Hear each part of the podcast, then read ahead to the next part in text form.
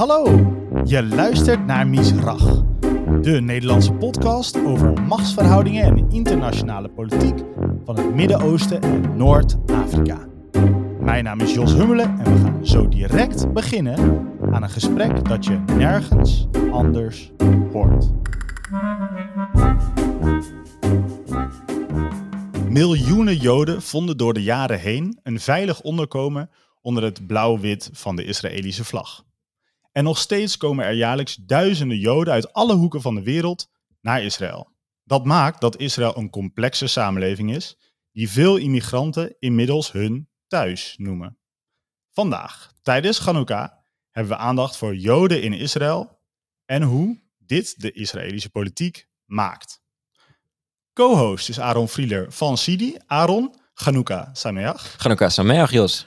Aaron, als ik het woord Israël zeg, dan zullen veel Nederlanders in eerste instantie misschien aan het conflict tussen Israël en de Palestijnen denken. Hopelijk in tweede instantie misschien wel aan falafel.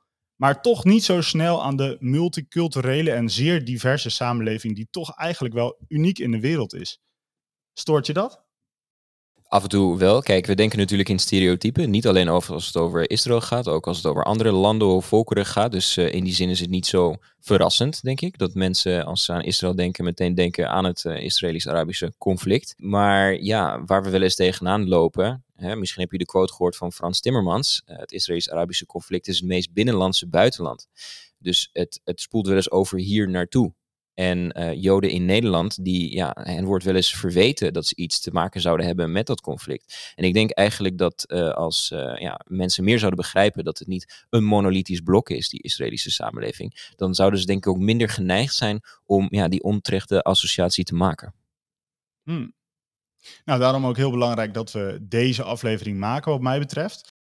Jij bent op zich wel expert, maar we hebben binnen Sidi nog een expert, minstens één. En dat is Hanna Lude, directeur van Sidi. Hanna werd in 1958 in Israël geboren en studeerde computertechnologie aan het Technion in Haifa, of moet ik zeggen Haifa. Ze werd in 1985 op haar 27ste naar Nederland geëxporteerd. Uh, welkom Hanna. Wij werken iedere dag samen, maar kon voor dit onderwerp eigenlijk geen betere expert verzinnen dan jij. Superleuk dat je meedoet. Dankjewel. Hanna, we gaan zo inzoomen op de diversiteit van de Joodse bevolking van Israël. Maar waar identificeer jij jezelf mee? Nou, ik zie mezelf als een Israëlische Jood, Jodin. Uh, en uh, ik uh, merk dat ik ja, voeten heb en handen in verschillende groepen met verschillende achtergronden en verschillende manieren om zichzelf te identificeren. Maar als we kijken naar de grote blokken in Israël, dan kan ik zeggen, ik heb in ieder geval gestudeerd in de gewone seculiere onderwijssysteem. En dat systeem is de grootste in Israël, maar ook uh, uh, de, de oudste misschien zelfs. Gaan we het zeker nog over hebben. Laten we er gelijk induiken, jalla. Voordat we de diepte ingaan, wil ik je even vragen, Hanna, om twee, nou, ik weet niet of ze simpel zijn, maar twee vragen te beantwoorden. Ten eerste, zijn Joden wit? Ook, ze zijn, ze zijn er in alle kleuren en maten, zou ik zeggen. Je hebt de witte, uh, zwarte en alles in between. Maar ook mensen met een uh, ja, Oost-Aziatische uiterlijk ook nog. Heb je al de tentoonstelling in JCK gezien over die vraag? Vond je hem goed? Ja, ja. ik vond hem goed. Een Interessant. Het was met name een food for thought. En dat is het belangrijkste daaraan. Ja, ja. En die tweede vraag die ik had is, is Jood zijn een religie? Ook dat het antwoord is ook. uh, Joden uh, uh, zijn van oudsher een religie, maar al eeuwen is dat niet meer alleen religie. En er zijn ook een heleboel Joden die zichzelf niet of als niet religieus identificeren. En daar komen we misschien straks in detail op terug. Ja, want Israël kent immigranten uit alle delen van de wereld. Zou je die even uit elkaar kunnen halen voor me? Hoe bedoel je uit elkaar halen? Ze komen overal vandaan. Dus uit, uh, maar wij zijn mensen, dus we categoriseren en we plakken namen. Dus dan heb je Sephardische Joden. En, uh... Nou ja, de, de verdeling in Sephardische en Askenazische Joden is juist een religieuze verdeling, mm -hmm. grappig genoeg. Okay. En het heeft te maken met de manier waarop de, de, de, hoe zou ik zeggen, de liturgie wordt uitgevoerd. En daarom hebben we ook in Nederland de Portugese synagoge die anders is dan de andere, synago andere synagogen die we hier hebben. We merken in Israël dat die groepen ook naar elkaar toe groeien, maar er zijn ook soms grotere verschillen. En sowieso, omdat Joden nooit een, een, een poop hadden, een, eh, Een paus. een paus, zijn ook groepen eh, op verschillende manieren hebben zich ontwikkeld en hebben ze hun eigen rituelen en hun eigen manier van doen. Dus dat maakt uh, het ingewikkeld om te, te, te verdelen in, in, in, in twee groepen of in vier groepen. Het zijn er veel meer, in heel veel varianten. En zoals met, uh, met religies is het ook zo. Er zijn mensen die, die harder van leer zijn. En mensen die de heilige boeken op verschillende manieren interpreteren. Aaron, in de voorbereiding van dit draaiboekje had ik het verschil gemaakt tussen Sephardische Joden en Ashkenazische Joden. En ik zei dan ook nog iets over de Mizrahi. Toen zei je, oh, dat, dat gaat niet helemaal goed. Wat, wat was je verbetering bij mij? Nou, mijn verbetering, ik weet niet of het een verbetering was hoor, maar ik probeerde gewoon bewust te maken over de, de, ja, de geschiedenis daarvan. Daar kijk, ik kijk graag vanuit dat perspectief. Dus jij stelde volgens mij van, ja, uh, Sephardische Joden die komen uit Spanje en Portugal. En dat is op zich waar, maar dan hebben we het over eeuwen en eeuwen geleden. En sindsdien is er natuurlijk heel veel ja, gebeurd. Is er vermenging geweest, bijvoorbeeld uh, hier in Nederland, in Amsterdam. Die gemeenschappen die wonen heel lang uh, bij elkaar, ook wel een beetje naast elkaar, dus gescheiden. Uh, maar ook wel niet. dus ja, ja, misschien kan Ganne daar eigenlijk meer over vertellen. Van identificeren mensen in Israël bijvoorbeeld zich als of Ashkenazis of Sephardisch of een mengeling van die dingen? Hoe zit dat? Nou, ik heb net uitgelegd dat, uh, dat het religie, de religie zegt over Ashkenazi en Sephardi. Mhm. Mm -hmm. Maar er is een andere uh, kenmerk, begrip in Israël, die heet Sfaradi Tahor. En een echte Sephardi. En dat zijn eigenlijk Joden die in Israël al generatielang wonen. Dus dat is dus uh, die groepen mensen die nog voor de het moderne Zionisme al in Israël hebben gewoond, van de uh, Sephardische groeperingen, maar er waren ook Ashkenazische Joden die zo lang in Israël wonen. En ook daar trouwden mensen ook onderling ook weer. Maar de Sfardito is een soort uh, de oude adel bijna van het van Joden in Israël. En een hele bekende uh, man van deze groep is uh, de zanger Yoram Gaon. Uh, ik weet niet of jullie hem kennen, hij is nu in de tachtig, maar hij was een van de meest populaire zangers in Israël. en er zijn Yossi Banai en de hele familie Banai, die nu ook heel, veel in de entertainment-industrie in Israël actief is, die zijn ook telgen van deze groep. Als je door Tel Aviv of Jeruzalem loopt, Hanna, wat jij nog wel eens uh, doet, dan zie je natuurlijk heel veel mensen die westers gekleed zijn, maar je ziet ook Joden lopen in specifieke kleding. Wat betekenen deze verschillen? Nou, de verschillen zijn groot. Zoals je noemde terecht, de meeste, de meeste Joden in Nederland en ook in Israël, die dragen gewoon kleding uh, zoals ieder andere, moderne westerse kleding. Maar er zijn groeperingen, met name bij de orthodoxe groeperingen, die speciale kledij hebben. Omschrijf dat eens. Uh, en het, vaak is, er zijn het, de mannen dragen zwarte kostuums. Met, uh, en afhankelijk van de, het niveau van uh, orthodoxie en de groep waartoe ze behoren. Ook verschillende hoeden bijvoorbeeld. En de, de jassen zijn soms verschillen. En er zijn mensen die daarin specialiseren en weten precies bij welke groep die mensen horen. En tussen de groepen zijn er grotere groepen, maar ook kleinere groepen en zelfs sectes die heel erg specifiek heel klein zijn, die een hele charismatische leider hebben. En die sectes die, uh, die zijn ook heel gesloten en onbekend voor de rest van de bevolking, ook in Israël. Ze wonen trouwens niet alleen in Israël. Het interessante is dat uh, vaak als mensen in Israël worden afgebeeld, in kranten bijvoorbeeld, wordt juist deze kleine groep, wordt iemand van deze kleine groep juist afgebeeld. En dat is heel misleidend, want de meeste Israëli's zien er absoluut niet zo uit. Nu hebben we het over de vrouwen. Eh, eh, orthodoxe vrouwen en religieuze vrouwen hebben daar ook verschillende kledij soms. En bij de hele orthodoxe eh, zijn er vrouwen die bijvoorbeeld een, eh, een pruik dragen. en dan zoals zijn... jij? Ja, zoals ik. Ja. Schitterend. ja. Um, eh, maar eh, bijvoorbeeld eh, veel religieuze vragen dragen hoofddoeken. Mhm. Uh -huh. En daar merk je ook, het zijn andere hoofddoeken dan moslimvrouwen. Maar ook bij moslimvrouwen zie je allerlei verschillen in de hoofddoek. En dat geeft ook vaak een, een, een groepsidentiteit weer weer. In Israël heb ik het woord agi opgepikt. Volgens mij betekent dat broer, of zoveel als broer. En dat gebruiken Israëli's vaak voor zowat iedereen. Dat valt eh, jou natuurlijk al lang niet meer op, Hanna. Maar toch wil ik je vragen, hoe verhouden deze groepen zich tot elkaar? Zien ze zichzelf, zien ze elkaar echt als, als, als broeders? Of identificeren ze zich ook wel met hun eigen groep of subgroep? Nou, ik denk dat Israël in het algemeen een samenleving is waar mensen graag bij een groep horen. En uh, uh, soms bij meerdere groepen. Dus bijvoorbeeld, je hebt groepen ja, weet ik veel, de Romeinen. Mensen die uit Roemenië zijn gekomen. Of mensen die uit Polen zijn gekomen. Of hun voorouders. Ja, uh, Joden die uit Polen zijn gekomen, ja, door. Ja, ja, ja, ja, en mensen die uit Nederland komen. Uh, en, en, mensen uit Duitsland, die heten bijvoorbeeld in Israël de Jekkes. Omdat zij de, het imago hebben dat ze heel pietje precies zijn. En niet, zo, niet zo goed gevoel voor humor hebben. Of althans niet begrijpen de humor van mensen die uit Roemenië of uit, of uit Polen komen. Dus je hebt groepen aan de hand van waar, waar komen de mensen vandaan. En dat is trouwens ook iets wat typisch Joods is in het algemeen. Uh, want uh, het begrip landsman is een heel oud Joods begrip van Joden die over de hele wereld uh, zijn gemigreerd. En heel vaak zochten mensen die uit dezelfde tuin of zelfs uit hetzelfde dorp kwamen. En kwamen ze dus weer bij elkaar. Dezelfde tuin? Stadje. Oké, okay, oké. Okay. Of het dorpje waar ze vandaan komen. En eh, eh, daar kwamen ze ook weer bij elkaar, bijvoorbeeld in de Nieuwe Wereld, in Amerika, in Argentinië, in Australië. En dus dat begrip landsman is ook een heel oud begrip. Tegelijkertijd heb je in Israël ook andere uh, verschillen of tegenstellingen, hoe je het maar wil zien. En dat is mensen die zichzelf religieus zien, soms heel erg religieus, ultra-religieus zelfs. En mensen die seculier zijn. En dat is een andere uh, scheidslijn die loopt. Maar dat kan natuurlijk lopen bij mensen die allemaal uit Lublin komen. Want uh, mijn opa, uh, die kwam uit Lublin. Hij is naar Israël geëmigreerd in de jaren, begin jaren 30.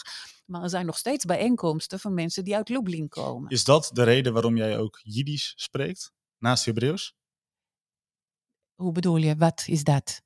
Hoe komt het, laat ik het openstellen, hoe komt het dat jij ook uh, spreekt? Want zoals ik je net ook begreep, ben je, identificeer jezelf als seculiere Jodin.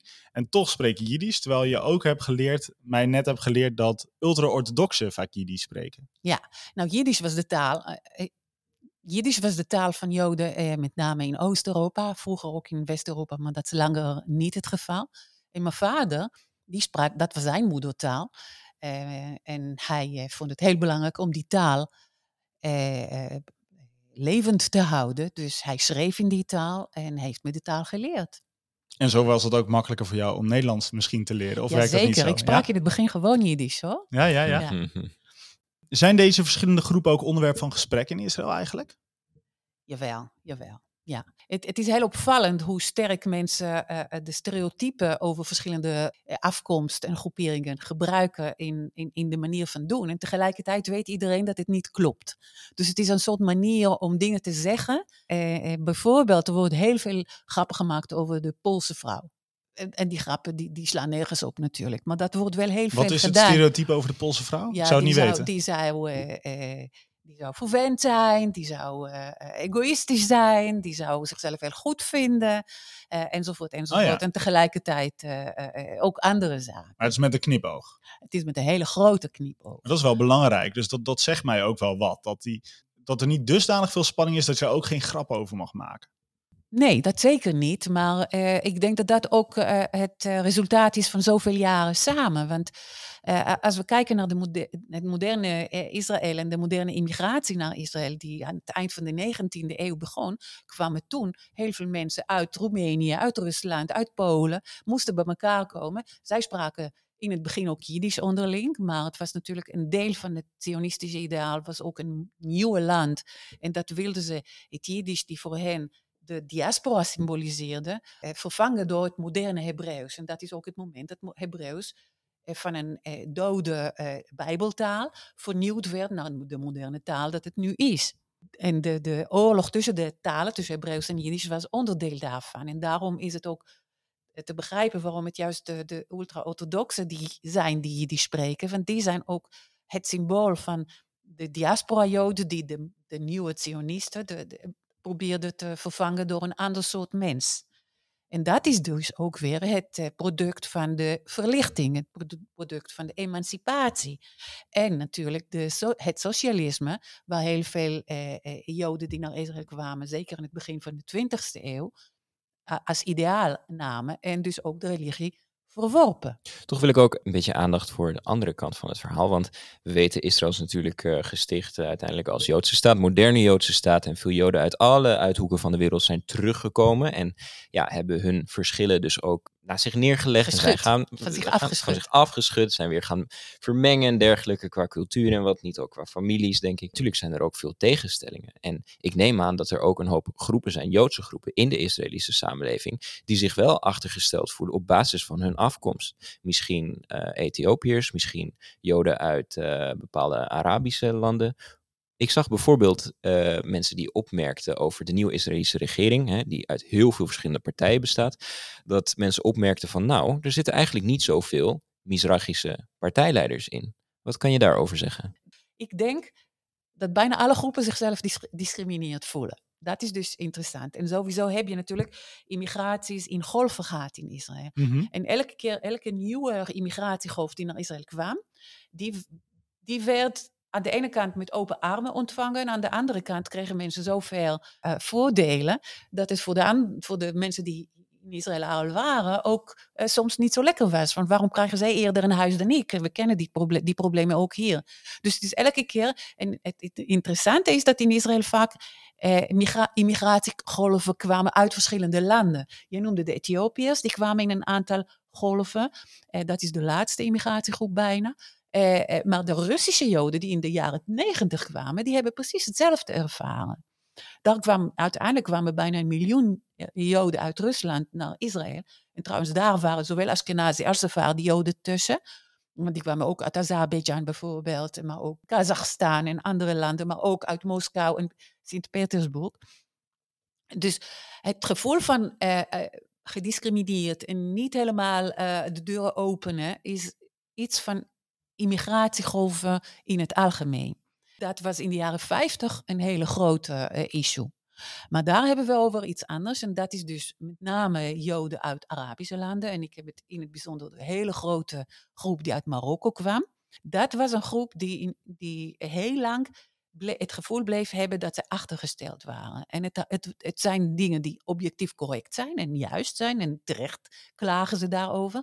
En er zijn ook dingen die te maken hadden met de situatie in die tijd. In de jaren 50 was Israël een heel arm land. Het was uh, een bevolking van een miljoen, ietsje meer dan een miljoen, die ineens nog meer miljoenen moesten opvangen. En het waren allemaal vluchtelingen die niks hadden uh, die met niks kwamen. Een heleboel uit Europa waren natuurlijk displaced persons en holocaust-overlevenden. Uh, of uh, mensen die, die hadden niks, maar die hadden ook geen gezinnen, geen familie. Die kwamen ook vaak helemaal alleen.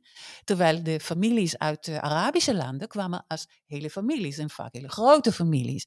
Dus die waren ook veel minder wendbaar.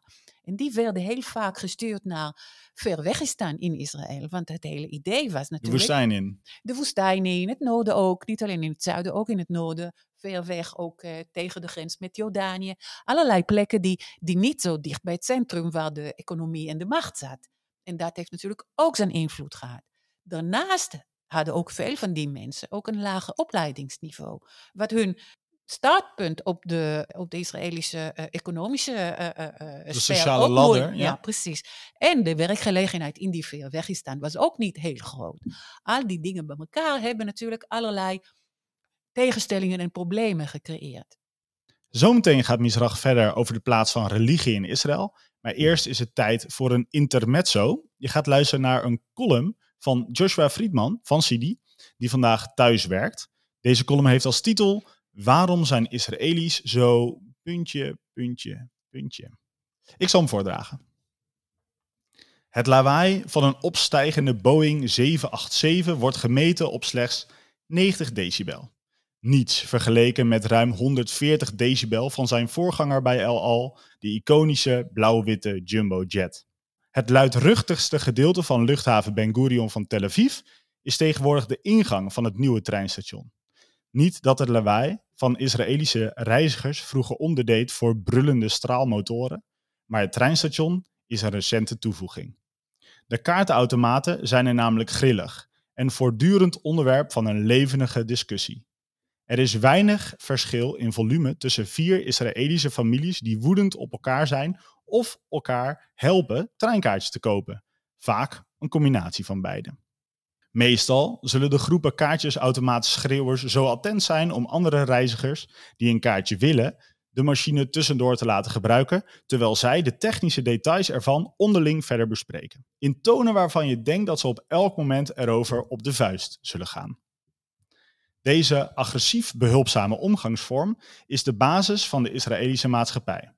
Als immigrantenland nam Israël opvallende trekjes aan van wat de eerste Israëli's kenden, zowel in hun nieuwe land als in hun land van herkomst.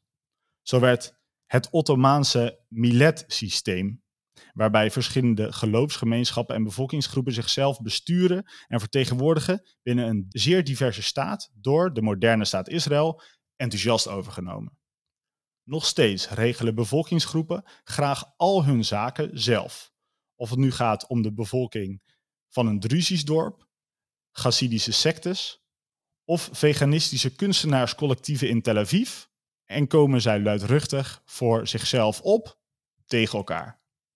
Deze bevolkingsgroepen hebben weinig vrijwillig sociaal contact met elkaar en leven in grotendeels zelf afgescheiden wereldjes, religieus en seculier, Joden en Arabieren, zelfverklaarde Arzien, oftewel ASO's, en Jekkes, daar is dat woord weer. Lees Pietjes Precies, Joods-Duitse stijl. Vaak zelfs met hun eigen dorpen en steden. Hun diverse en conflicterende eisen worden opgenomen in de nationale wetboeken. Maar met iedereen maken zij op dezelfde oorverdovende behulpzame manier ruzie op straat. Dit systeem leidde in buurlanden als Libanon en Syrië tot decennia lang aan burgeroorlog. In plaats daarvan kun je overal ter wereld op tientallen meters afstand horen hoe groepjes Israëlische toeristen elkaar voor het eerst ontmoeten en gelijk beste vrienden worden.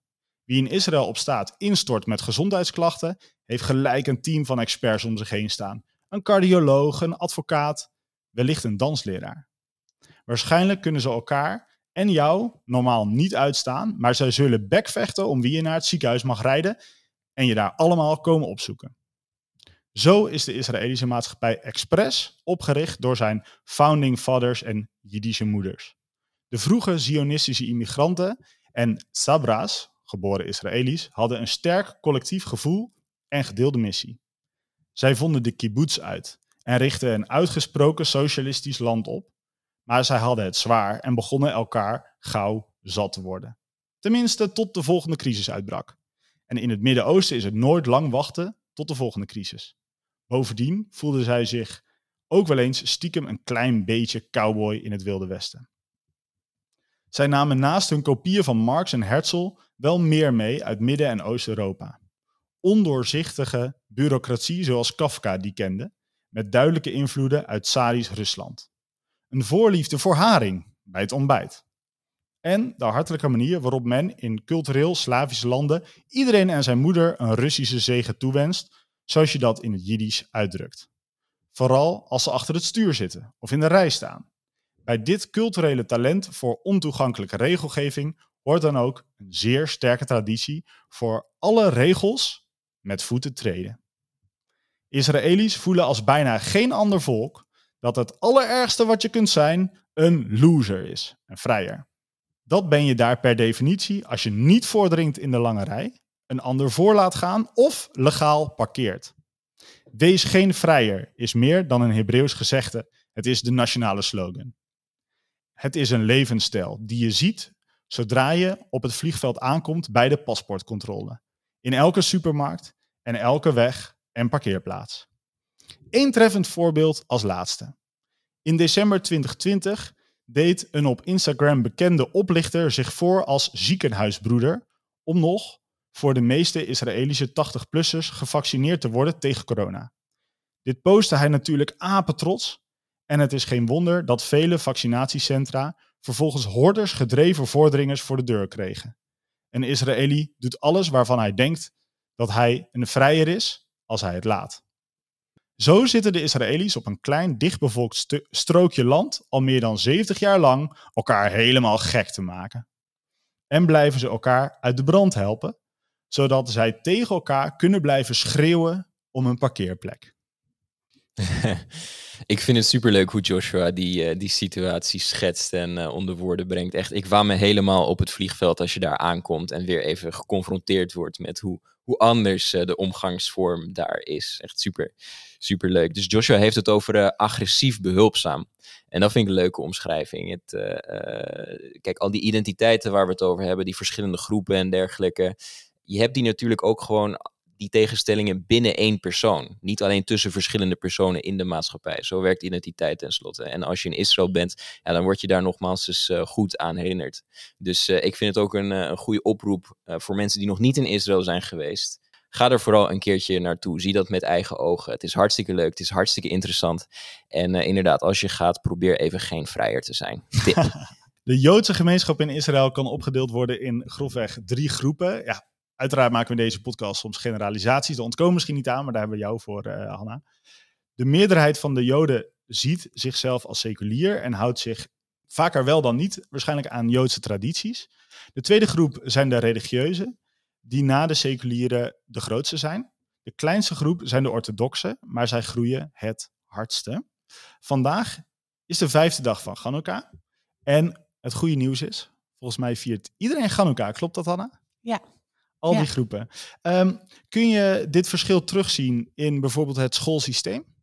Ja, en dit is misschien uh, het, het, simpelste om te laten zien hoe mensen in groepen uh, worden ingedeeld. Terwijl uiteindelijk, wat Aaron net zei, we moeten niet vergeten dat individuen binnen die groepen ook heel erg verschillen.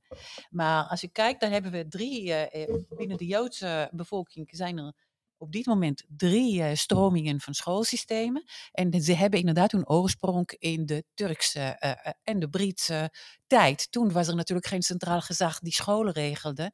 Dus deden dat de, de, de, mensen die daar woonden. En dat is eigenlijk, die traditie is, is, is het fundament van het huidige systeem. En toen waren er nog meer. Toen was er ook het uh, arbeidersscholensysteem. want het wa was daar ook redelijk verdeeld in, aan de hand van politieke opvattingen. Oké. Okay. Uh, dus de, de, de socialistische groeperingen die wilden hun kinderen echt de socialistische waarden bijbrengen. En dat kwam trouwens ook uit Oost-Europa. Want uh, in Oost-Europa had je scholen van de Bund bijvoorbeeld. Dat is de grootste Joodse beweging in Oost-Europa. En die was sociaal-democratisch. En zo zijn de kinderen die eh, eh, niet naar school konden daarvoor, omdat de, de, ouders geen geld voor hadden, werd de school voor hen opgericht. En in Israël is die traditie doorgezet, niet met de Bund, want de Bund was toen antizionistisch, maar met andere socialistische groeperingen. Daarnaast waren was, bleef de grootste eh, stroming van scholen was de gewone seculiere scholen, waar trouwens altijd ook de Bijbel werd ge, gedoseerd maar in de meer moderne manier van Bijbel doseren als een uh, uh, cultureel, historisch uh, document. Inclusief het Nieuwe Testament? Nee. Ah, oké. Okay. Hoewel, mijn moeder vertelde, mijn moeder die, die is dus in Israël in de jaren dertig opgegroeid, of maar zij vertelde dat haar leraar hun wel gestuurd heeft om juist het Nieuwe Testament wel te lezen. Uh, um, op deze manier ook inderdaad te leren over andere godsdiensten. Dus er wordt degelijk ook over andere godsdiensten gegeven op scholen. Heel belangrijk in zo'n land, denk ja, ik. Zeker, zeker. Maar, maar dat is iets anders dan de, de, reguliere school. Ja. En we hebben dus de seculiere rijksscholen, we hebben de religieuze rijksscholen. En er zijn ook eh, de orthodoxe scholen. En die zijn dus niet van rijkswegen. En dat is het grote probleem. Eh, ik heb eh, gezien dat er meer en meer orthodoxe rijksscholen komen, maar dat is nog een hele kleine minderheid. Maar het probleem met de orthodoxe scholen is, en dat is ook het grote probleem met de orthodoxe bevolking in Israël, is dat hun opleiding te veel geankerd is op de religie Mhm. en te weinig uh, de uh, uh, lessen krijgen in wiskunde, Engels, Hebreeuws. Dus de belangrijke dingen die belangrijk zijn voor iemand om op de arbeidsmarkt goed mee te werken. En dat is ook het grootste probleem met de orthodoxe bevolking. Hey Ganna, als je het zo zegt, zou je zeggen dat Nederlanders die situatie misschien een beetje kunnen begrijpen, leren begrijpen aan de hand van het verzuilingssysteem dat Nederland ja. een hele lange tijd heeft gehad? Volgens mij is een karakteristiek van een verzuiling dat sommige mensen of veel mensen eigenlijk bijna alle aspecten van hun hun leven doorbrengen binnen een van die zuilen. Mhm. Misschien dat Jos daar, Jos die klinkt al heftig. Ik denk dat hij daar al iets meer over zou kunnen eh, vertellen. Voor mij als Amsterdammer is dat in Nederland misschien iets minder herkenbaar. Maar ik heb jou ooit horen vertellen, eh Ganna, en dat vond ik heel interessant, dat Israëli's uit de verschillende ja, lagen van de samenleving elkaar eigenlijk alleen nog maar soms ontmoeten in de ziekenhuizen. Omdat dat dan één zo'n sfeer is waar alle mensen bij elkaar komen. Nou, je hebt het nu over lagen van de samenleving, dat is weer wat anders. Want wat lagen anders. van de samenleving heeft te maken met sociaal-economische eh, sociaal-economische situaties. En daar hebben we het nu niet over. We- je hebt het over dat in het ziekenhuis komt zowel de orthodoxe als de religieuze, als de seculiere, als de Arabische bevolking, eh, eh, als allerlei eh, illegalen die in Israël Oké, leven. ik had het woord lagen daar niet moeten gebruiken. Precies, maar ik wil dat even scherp zetten. Heel goed. En dat is inderdaad, maar je zit er ook in de bus, zie je het ook. Als je, je hebt me gevraagd wat zie je op straat. Als je in de bus zit, dan zie je ook alle lagen van de, alle groepen van. Jij Oei, was hè. verkeerd.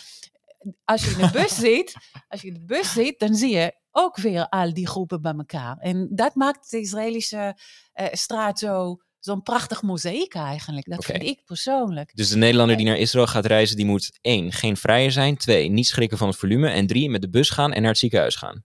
Nou, nou, dat hoeft niet naar ziekenhuis, maar ziekenhuizen schijnen heel goed te zijn. Ehm, maar het punt is meer dat inderdaad de groepen proberen ook bij elkaar te wonen, omdat je gewoontes, eh, wat je de kinderen op school leert, daar begonnen we mee, eh, eh, heeft te maken met de opvoeding die je kind wil geven en bijvoorbeeld de verhouding tot God. Maar het heeft ook te maken met hoe je omgaat met Shabbat bijvoorbeeld.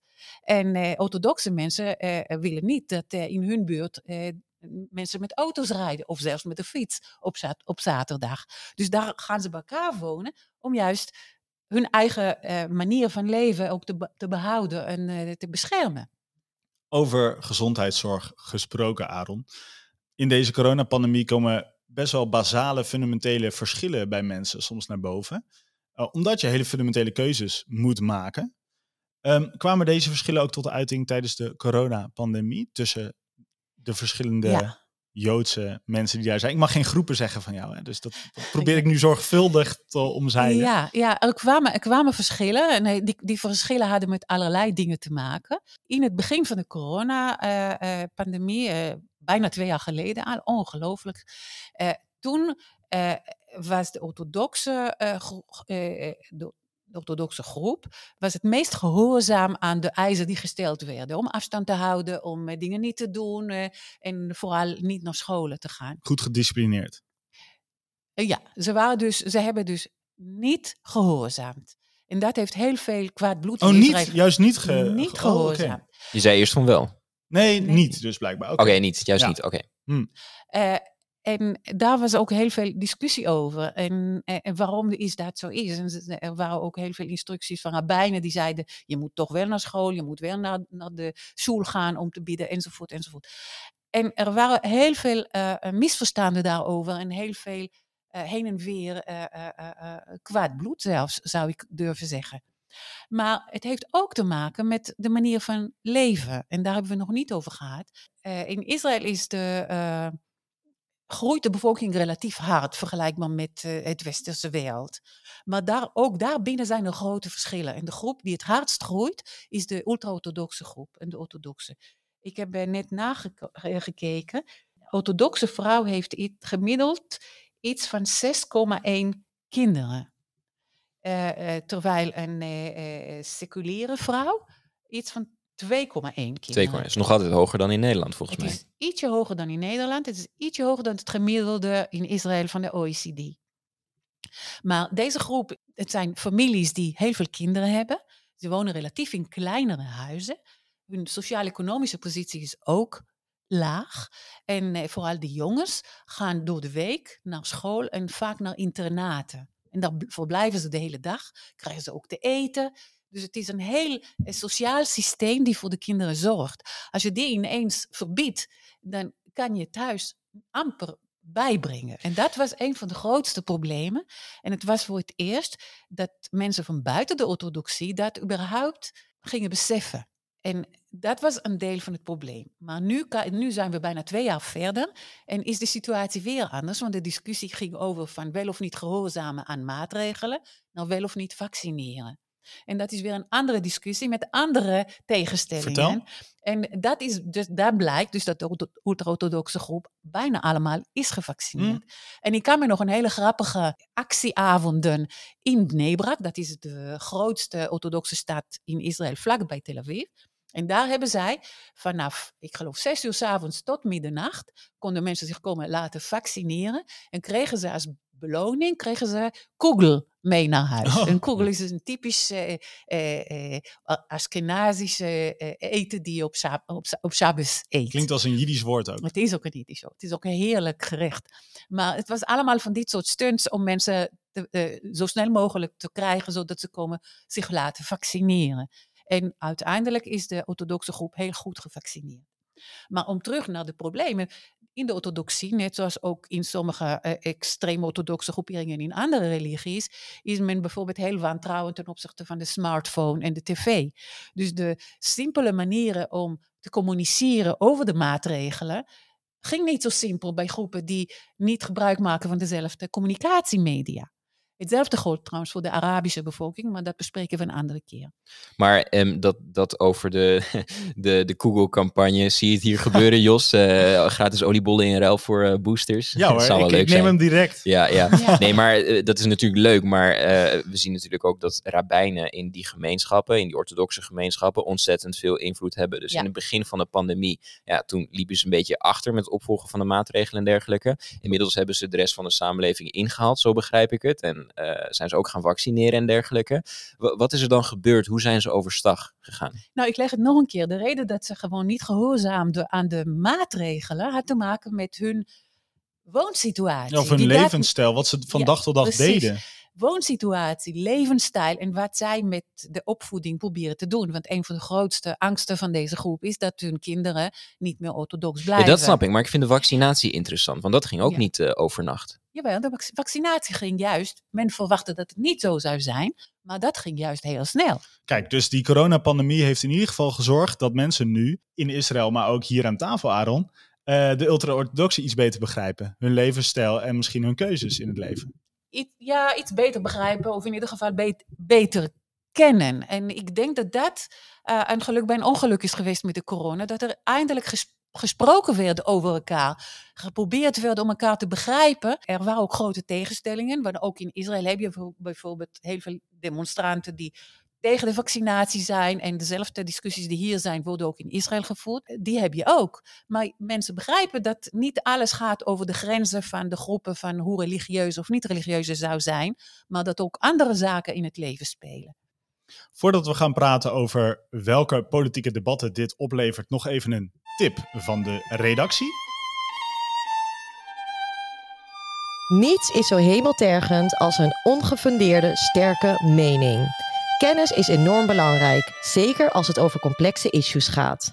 Al ruim 30 jaar biedt Sidi colleges aan over het Midden-Oosten met een speciaal oog voor Israël. Zo vergroten we kennis en brengen het debat naar een rationeel niveau. De reeks van 2022 staat voor de deur en belooft zeer interessant en leerzaam te worden voor studenten, docenten en iedereen die geïnteresseerd is in geschiedenis en politiek. Kijk op sidi.nl slash agenda en noteer het meteen in je eigen agenda.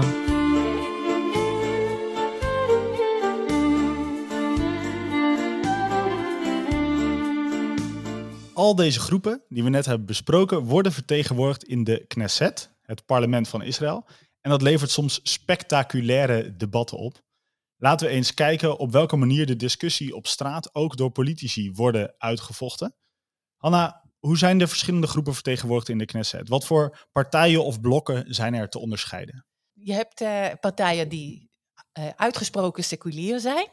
eh, met ook weer verschillen in economisch rechts en links, en links sociaal-maatschappelijk rechts en links. Je hebt partijen die uitgesproken orthodox zijn en eigenlijk met name zeggen wij komen op voor deze groep en voor ons zijn religieuze zaken het belangrijkste. Daar heb je twee groepen in Israël, die zo, of twee partijen in Israël, eh, eh, voor de Ashkenazische en voor de eh, Sephardische Joden. En eh, je hebt eh, alles in between. Eh, dus eh, net zoals hier heb je eh, partijen die het, de scheiding van staat en kerk heel erg hoog in het vaandel hebben en anderen die het minder zo zien. En dat heb je ook in Israël. Maar ik zou zeggen, de meeste partijen die, die zoeken naar een tussenweg tussen die zaken. Ook wat betreft de, de scheiding tussen kerk en staat. En er zijn een aantal zaken die daar spelen, kunnen we vandaag niet allemaal bespreken. Maar bijvoorbeeld over de vraag hoe omgegaan wordt met Shabbat. Op, zaterdag mogen, eh, volgens de Joodse religie mag je niet rijden, mag je nog een heleboel andere dingen niet. Maar daardoor werd ook heel lang geen openbaar vervoer op zaterdag in Israël. Behalve in natuurlijk niet-Joodse steden of gemengde steden, zoals in Haifa bijvoorbeeld. Eh, en daar zijn veel Israëli's die dat niet zo uh, goed vinden. Die willen juist wel op zaterdag naar het strand kunnen gaan met de bus of naar hun eh, voetbalwedstrijd. Want voetbalwedstrijden worden wel gespeeld op zaterdag. Dus er zijn hier verschillen en deze verschillen hebben soms, hele, leiden soms tot heftige politieke tegenstellingen. Een andere discussie die nu heel actueel is in Israël, op dit moment wordt gevoerd, wordt de discussie over wie de macht heeft over de kashrut hoe daarmee moet worden omgegaan. De kashrut? Kashrut, dat is dus de Joodse spijsregels. En dat betekent dat de, uh, uh, uh, alle eetwarens voorzien worden van een stempel dat zij kosher zijn. En wie mag, dat doen? Wie mag, daarover wat zeggen? Hetzelfde geldt over wie mag huwelijken in Israël sluiten. Allerlei discussies die te maken hebben met de positie van de rabbinale gerechtshoven in Israël en wat hun positie daarin is. En de nieuwe regering is er een eh, eh minister die ook religieus is zelf, maar die probeert dat systeem te vernieuwen, te moderniseren en te democratiseren, zegt hij. En er is daar heel veel weerstand vanuit de ultra-orthodoxie met name, die daar eh, in eerste instantie de lead in hadden altijd. En hoe gaat dat dan in zijn werk? Uh, wat, wat kan die minister daaraan doen? Wat zit hij nu te bekokstoven? Om even waarschijnlijk het perspectief van die orthodoxen te gebruiken. Hij wil uh, meerdere uh, instanties toegang geven tot deze keurmerken bijvoorbeeld. Dat is een van de dingen die hij wil doen. Oké, dus dit is een voorbeeld van iets waar er geen perfecte scheiding tussen kerk en staat is. Begrijp je dat goed? Kijk, Israël kent een formele positie, dat heet het hoofdrabbijn. Dat zijn er twee, een Ashkenazi en een Sephardische rabbijn. Maar die zijn mensen die benoemd zijn. Dat zijn dus hoge ambtenaren. Daarnaast zijn er niet-formele uh, uh, orthodoxe uh, kringen die allerlei, allerlei functies hebben en allerlei aanstellingen krijgen. Bijvoorbeeld om, wat in het Nederlands heet, schaumer te zijn. Dat is dus iemand die controleert hoe de, hoe de mm worden nageleefd. Dat zijn ook allemaal mensen die betaald worden door de staat. Daar zijn discussies over. Moet dat? Moet dat niet? En moet je dat accepteren? Moet dat niet? Niet alles in Israël is kosher trouwens, maar om de kosherstempel te geven, eh, is dat iets wat van, van de staatswegen is. Juist. En daar, zijn, uh, daar probeert men te moderniseren en uh, breder te trekken. Dus zijn die, die rabbijnen, hoge rabbijnen zeg maar, die, worden, die zijn in feite ambtenaren, worden betaald door de staat. Maar wie stelt ze aan?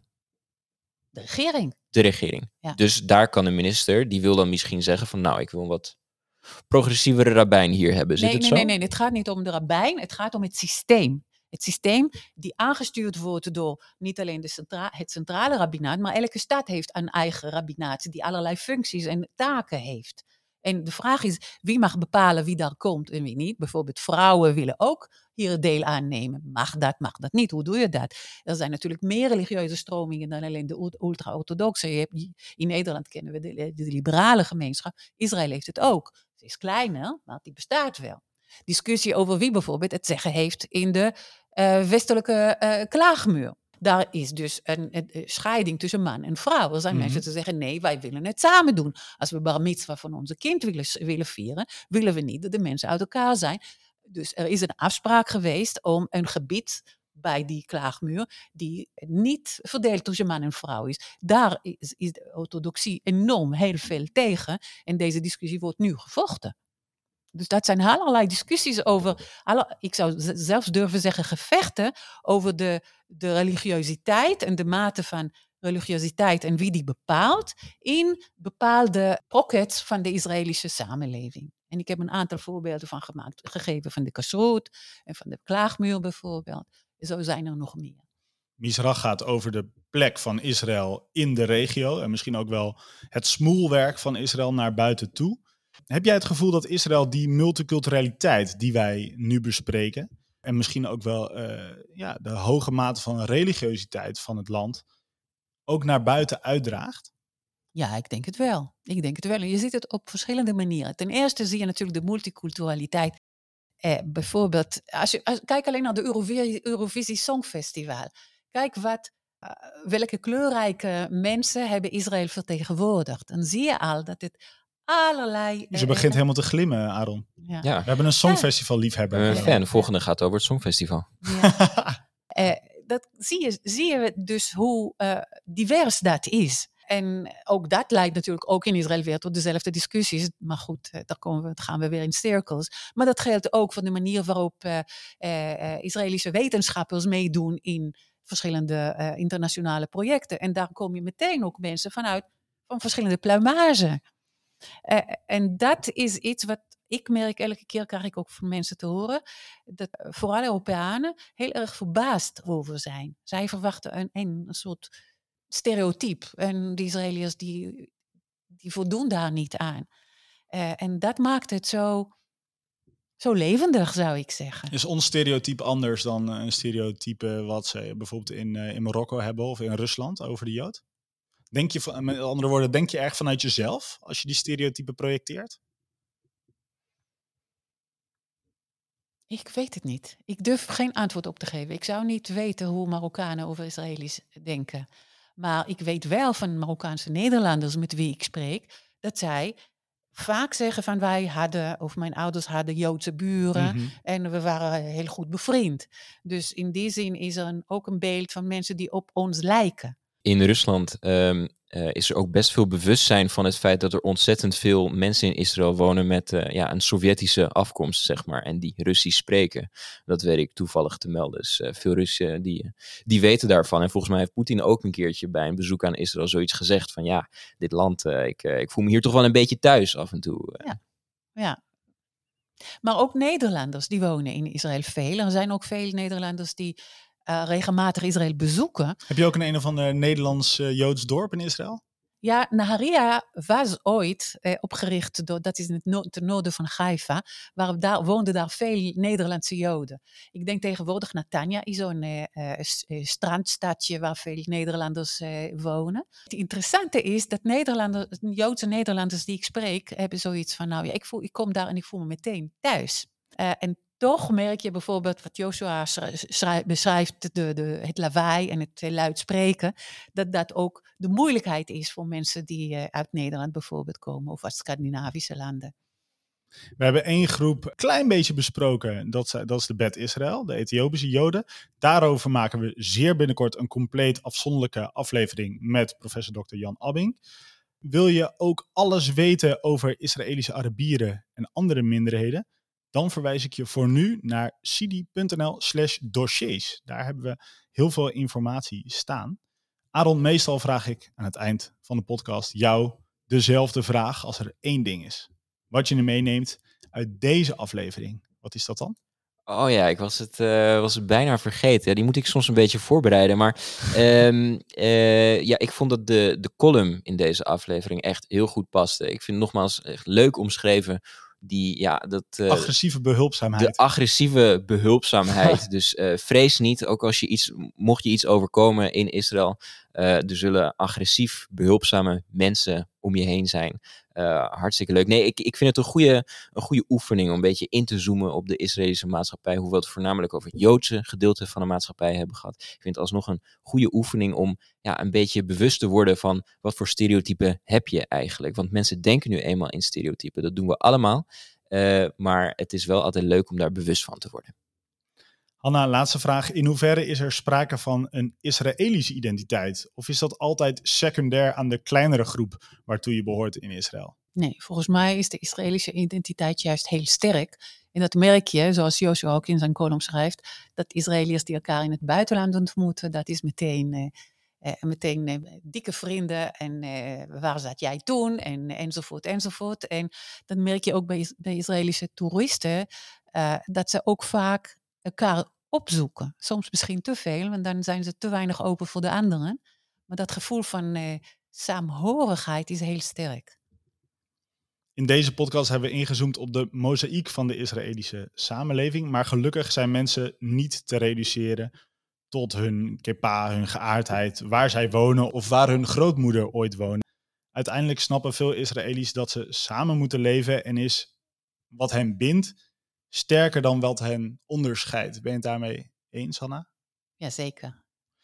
Dan komen we daarmee aan het einde van deze aflevering van Misrach. Speciale dank aan onze gast voor vandaag, onze directeur Hanna Lude. Bedankt voor het luisteren naar deze aflevering. We willen de positie van Israël in de regio beter begrijpen en vandaag hebben we daar weer een stap in gezet. Vind Misrach op Spotify of je favoriete podcast app of ga naar ons moederschip sidi.nl. Raad deze podcast aan bij familie en vrienden. Tot de volgende